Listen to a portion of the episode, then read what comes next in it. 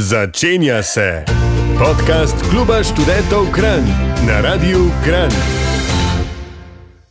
Dobri ljudje, pozdravljeni, mesec maj je tu. Vsi smo v rožicah, življenje je prelepo, vse cveti, vsi smo se prebudili iz dolgega zimskega sna.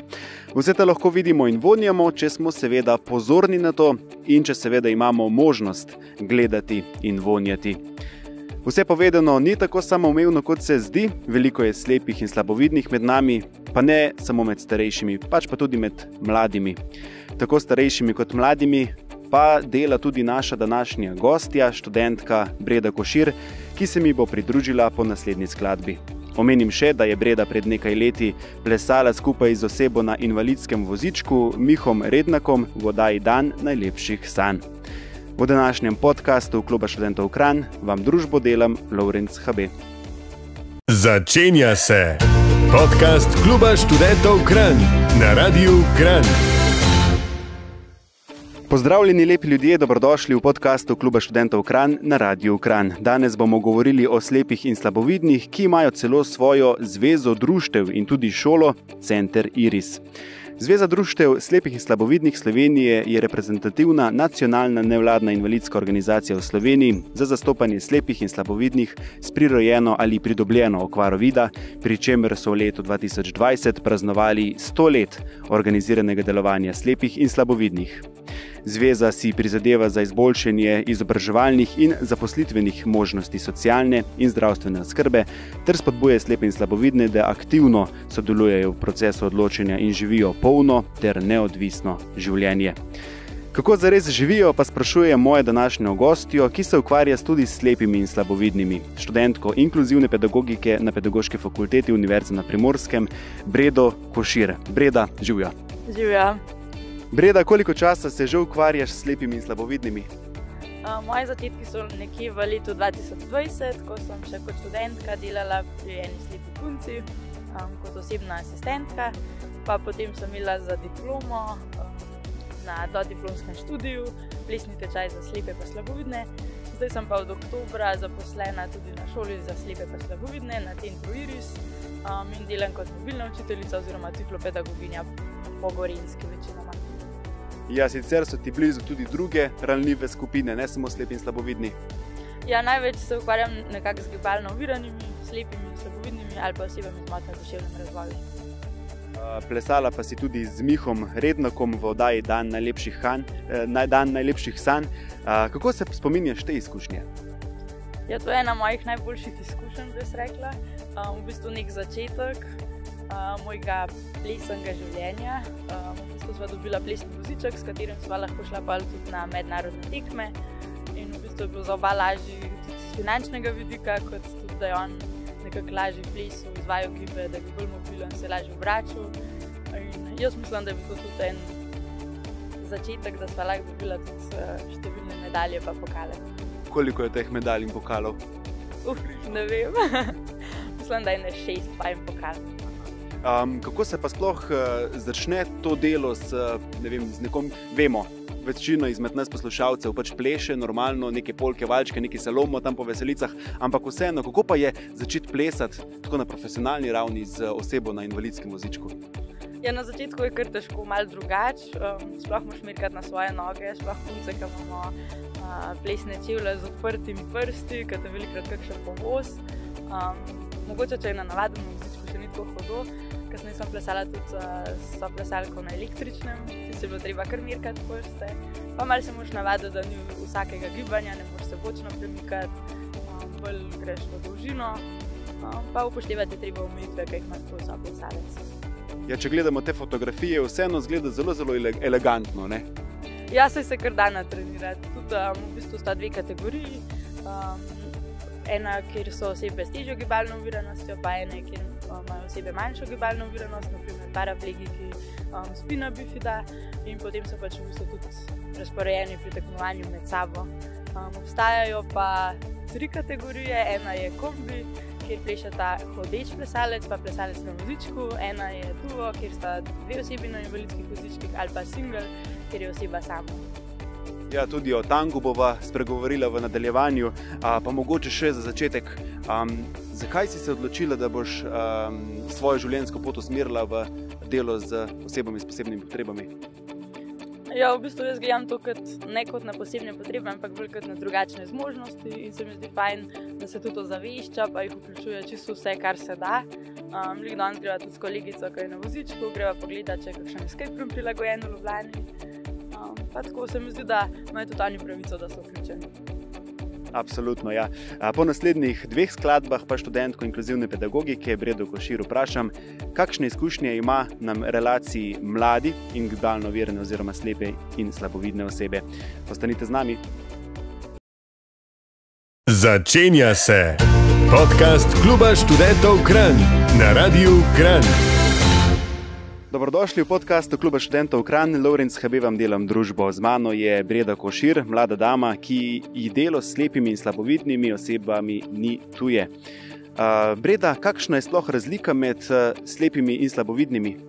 Torej, vedno se ocenjuje um, vid, ki ga imajo z najboljšo možno korekcijo. To se pravi, če mi damo gor očala ali pa leče ali pa po kakšni operaciji in ta vid ni 100% um, potem pač so neke okvare z našim vidom.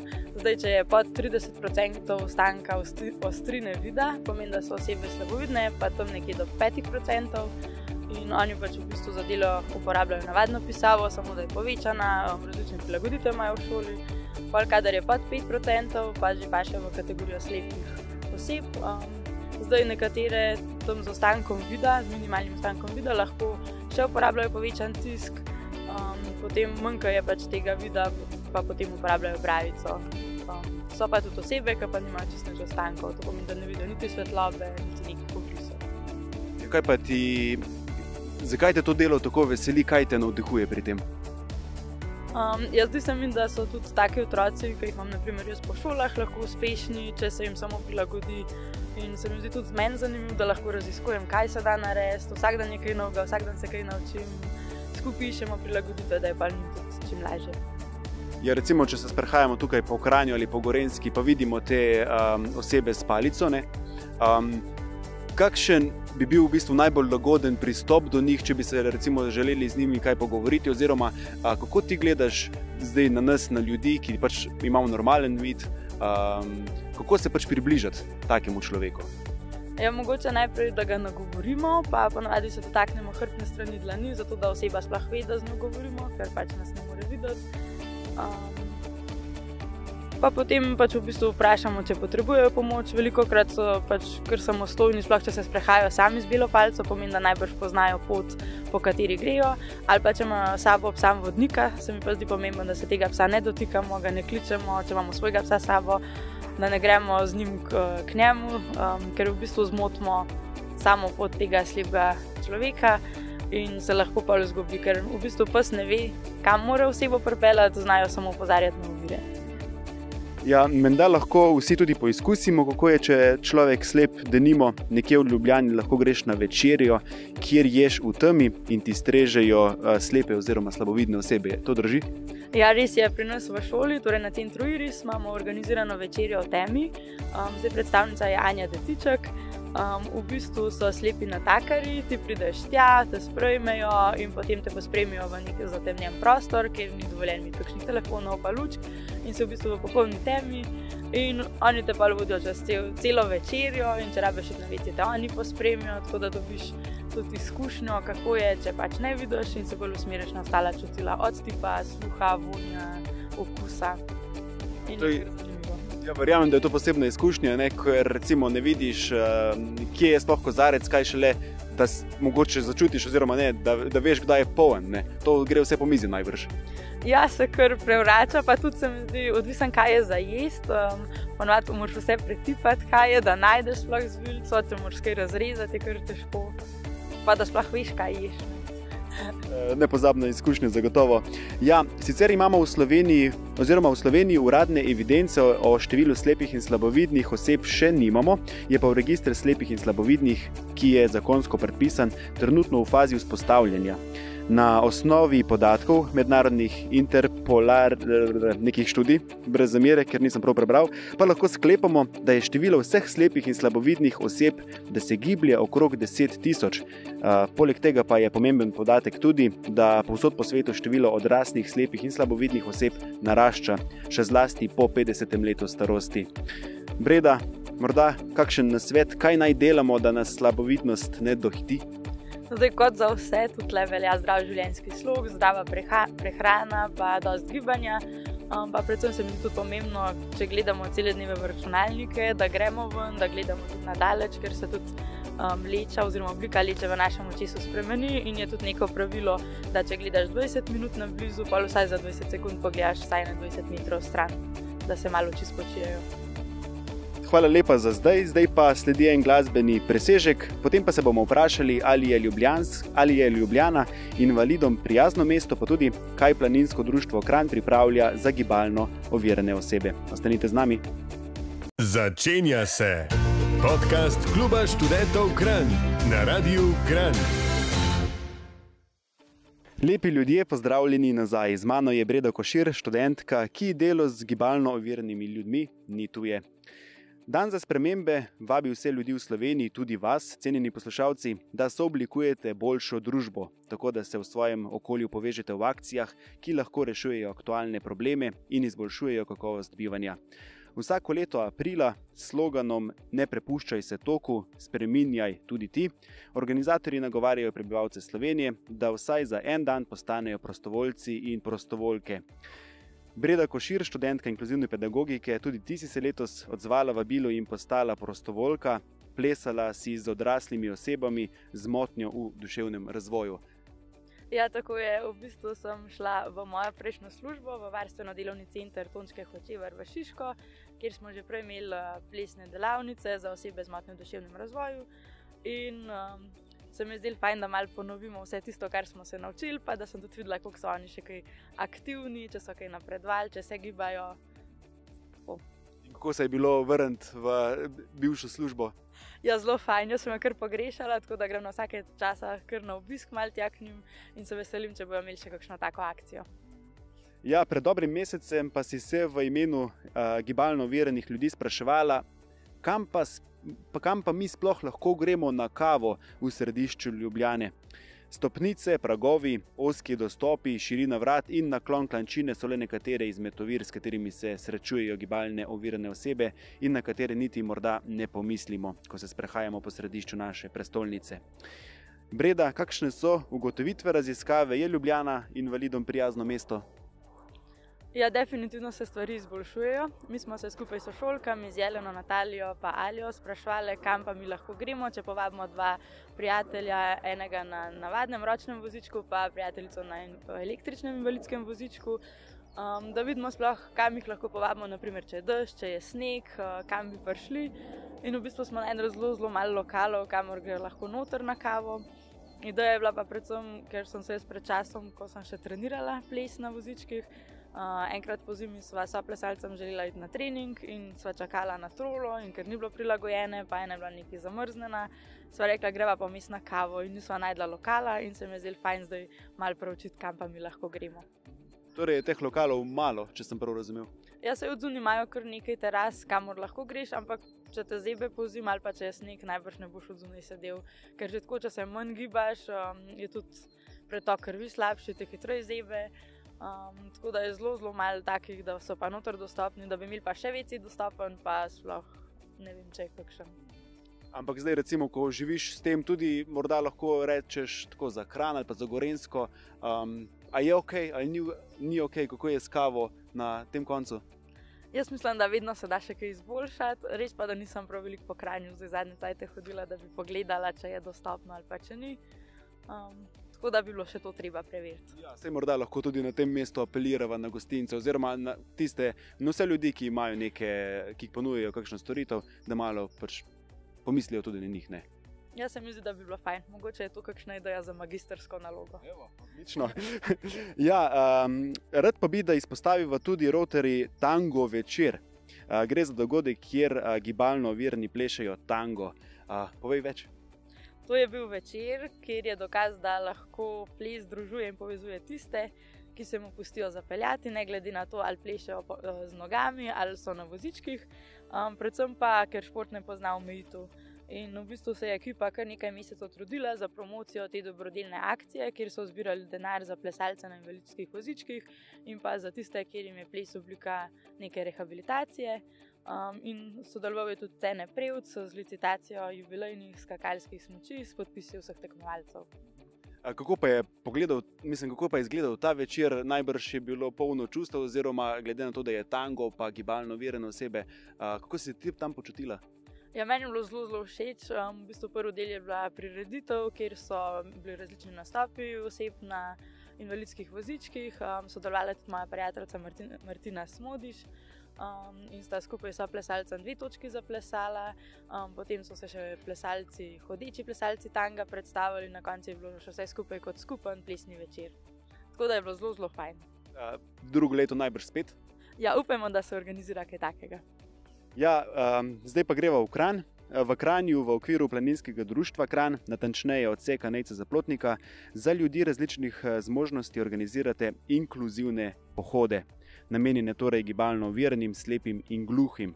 Um, tudi tam si aktivna, kje pa ti nisi aktivna? Uh, ne vem, posod me je, da spravijo. ja, kaj je torej uh, inkluzivni pohod? Ja, to pomeni, da lahko osebe um, z različnimi zmožnostmi se priključijo, se prijavijo, zato da zagotovimo lahko tudi kakšne spremljevalce. Um, zdaj odsekovo Darko Đurič, nekaj časa sem bila jaz namestnica, pa sem zdaj dva dni nazaj to prepustila drugim, ker ne gre vse skozi. Um, imeli smo krpljanje po pokluki, um, on je pač, ker je amputiranje šel s protezami. Um, pa je kar šlo, bilo je veliko spanov, pa tudi pacov, uh, da smo ga pobirali. Um, potem so bile še slabovidne osebe zraven, oseba pa poškodbi glave in smo pa prekrpljali pokluko okrog. Zdaj na meni imamo tudi kakšne take, da so lahko osebe na vozičkih zraven, da so dostopne poti. Če ne, pa jih bomo naredili dostopne. No, evo, enostavno gre tole. Ampak si pa kar težko predstavljam, um, kako slepi in gluhi hodijo po hribih. A je veliko truda treba vložiti, pa tudi na, konce, na konec koncu veliko je prepadov, pa nekih korenin, ki jih tudi tisti, ki dobro vidimo, slišimo, kakorkoli, ne vidimo in tudi mi padamo. Ne? Ja, v bistvu malo bolj pozoren mora biti, um, pa mora imeti kakšnega spremljevalca s sabo, naprimer, če govorimo za slepo osebo. Um, Meni se zdi kar naporno, ker moraš biti tudi vse čas pozoren, uh, kje gre, če so korenine, da opozarjaš, ne vem, ali če so kakšni visoki pragovi rubniki, kar koli, kar mora višji stopiti, ali če lahko kam pade, pač vse moraš opozarjati um, gluhi pa i tako vidijo. seveda, seveda. Uh, ampak um, mi deluje, da vseeno, da ni tako težko, kot se sliši, vse če pač zdaj sodim po tvoji preprostosti. Mogoče je res tako težko, kot se mogoče marsikomu zdi. Jaz mislim, da je treba sam začeti, pa, pa že najdeš kakšne rešitve. Um, mogoče ti mora kdo sam pokazati, včasih, kako začeti, na kakšen način pristopiti, pa pa gre. Ja, pa deva zaključiti tam, kjer sva današnji pogovor tudi začela, pri slepih in slabovidnih, pri mladih. Lani poleti ste pripravili sobo pobega za otroke z okvaro video. Um, kakšna pa je tu tvoja izkušnja? Ja, to sobo smo pa delali s šolkama uh, Jeleno Simič in Petrom Raz. V bistvu je bil nek projekt pri profesorici Aksini Kermauner. Um, želeli smo, ker smo pač ljubiteljce so pobega, pa kakšnih družabnih iger, smo želeli ene pripraviti tudi za slepe, ker je zelo velik poudarek v vseh teh sobah na vizualnih informacijah. In smo jo potem uh, prilagodili, da je bilo več taktilnih nalog, da v bistvu smo naredili neko zgodbo um, z namigi in pa da je bilo pač voden voden skozi celoten kot nek poligon, um, da so potem osebe šle čez. Um, smo jo tudi sprobali, tako da smo um, nekaterim prijateljem zavezali oči, pa, um, ali pa smo jim dali, da so slabovidni, da ne vidijo in so se mogli sprobati. In moram reči, da se je kar dobro odnesla, smo naredili kar nekaj ponovitev, mislim, da je ne deset že um, in na taborih za slepe in slabovidne otroke v naši šoli um, pa tudi v vrtcih, pa šolah, drugi, kjer ozaveščamo, kako je, če izgubiš vid, ali pa če se rodiš z izgubo vida, da pač vidijo, na kakšen način se pa te osebe lahko soočijo, kaj lahko prilagodimo, pa naredimo za njih. Ja, sliši se zabavno, ne? Ja, je bilo zelo, zelo zabavno. Čeprav nekatere ovire so bile meni kar izziv, ker si mogel splezati na nek tobogan, pa se spustiti v neko čudežno deželo, mi je bilo težko, ker v neznano skočiti. Ampak moram reči, da vse te slepe osebe, ki smo jih do zdaj imeli, so zelo suvereno nastopile in uh, zelo dobro je videti tudi ta timski duh, pa sodelovanje, da rešijo naloge, da lahko pridejo pa ven. Krasno, evo. Breda Košir, študentka inkluzivne pedagogike na Koperski pedagoški fakulteti. Hvala za obisk in najti energije za delo z gibalnimi ovirami, z gibalno osebno. Kako že točno se reče? Prav? Z osebami z gibalno oviranostjo. Najti energije a, ne zmanjka. A, hvala lepa, hvala za povabilo. Še nekaj štiklov, potem pa se vrnem študentskim napovednikom. Klub študentov Kran za vas tudi v tem mesecu pripravlja dogodke. Dragi poslušalci, ušesa na peclje. Cenjeni lepi ljudje, veliko se dogaja v našem najboljšem študentskem klubu. Kaj vse preverite na socialnih omrežjih Kluba študentov Kran in na spletni strani www.ksk.si. Danes izpostavljamo teden mladih, ja tudi letos se bo zgodil in to v velikem slogu. Preveri naša socialna omrežja. Sicer pa lahko našim oddajam prisluhnete tudi v vaši najljubši aplikaciji za podkaste, saj le za vas skrbno arhiviramo vse naše radijske oddaje. Z vami smo bili tonska Jegulja Anja Stare in voditelj Lorenz HB. Želim vam lepo dišečo pomlad in se slišimo, ja, po novem spet vsako sredo v mesecu in premjerno tudi v sobotnem programu. Ostanite lepi. Poslušali ste podcast Kluba študentov Kran na Radiu Kran. Še več bogatih oddaj najdete v vaši najljubši brezplačni aplikaciji za podkaste. Vaše predloge in komentarje sprejema urednik Laurence HB na elektronskem naslovu laurence.hb afna ksk.si. Če smo tu, vaš klub študentov Kran.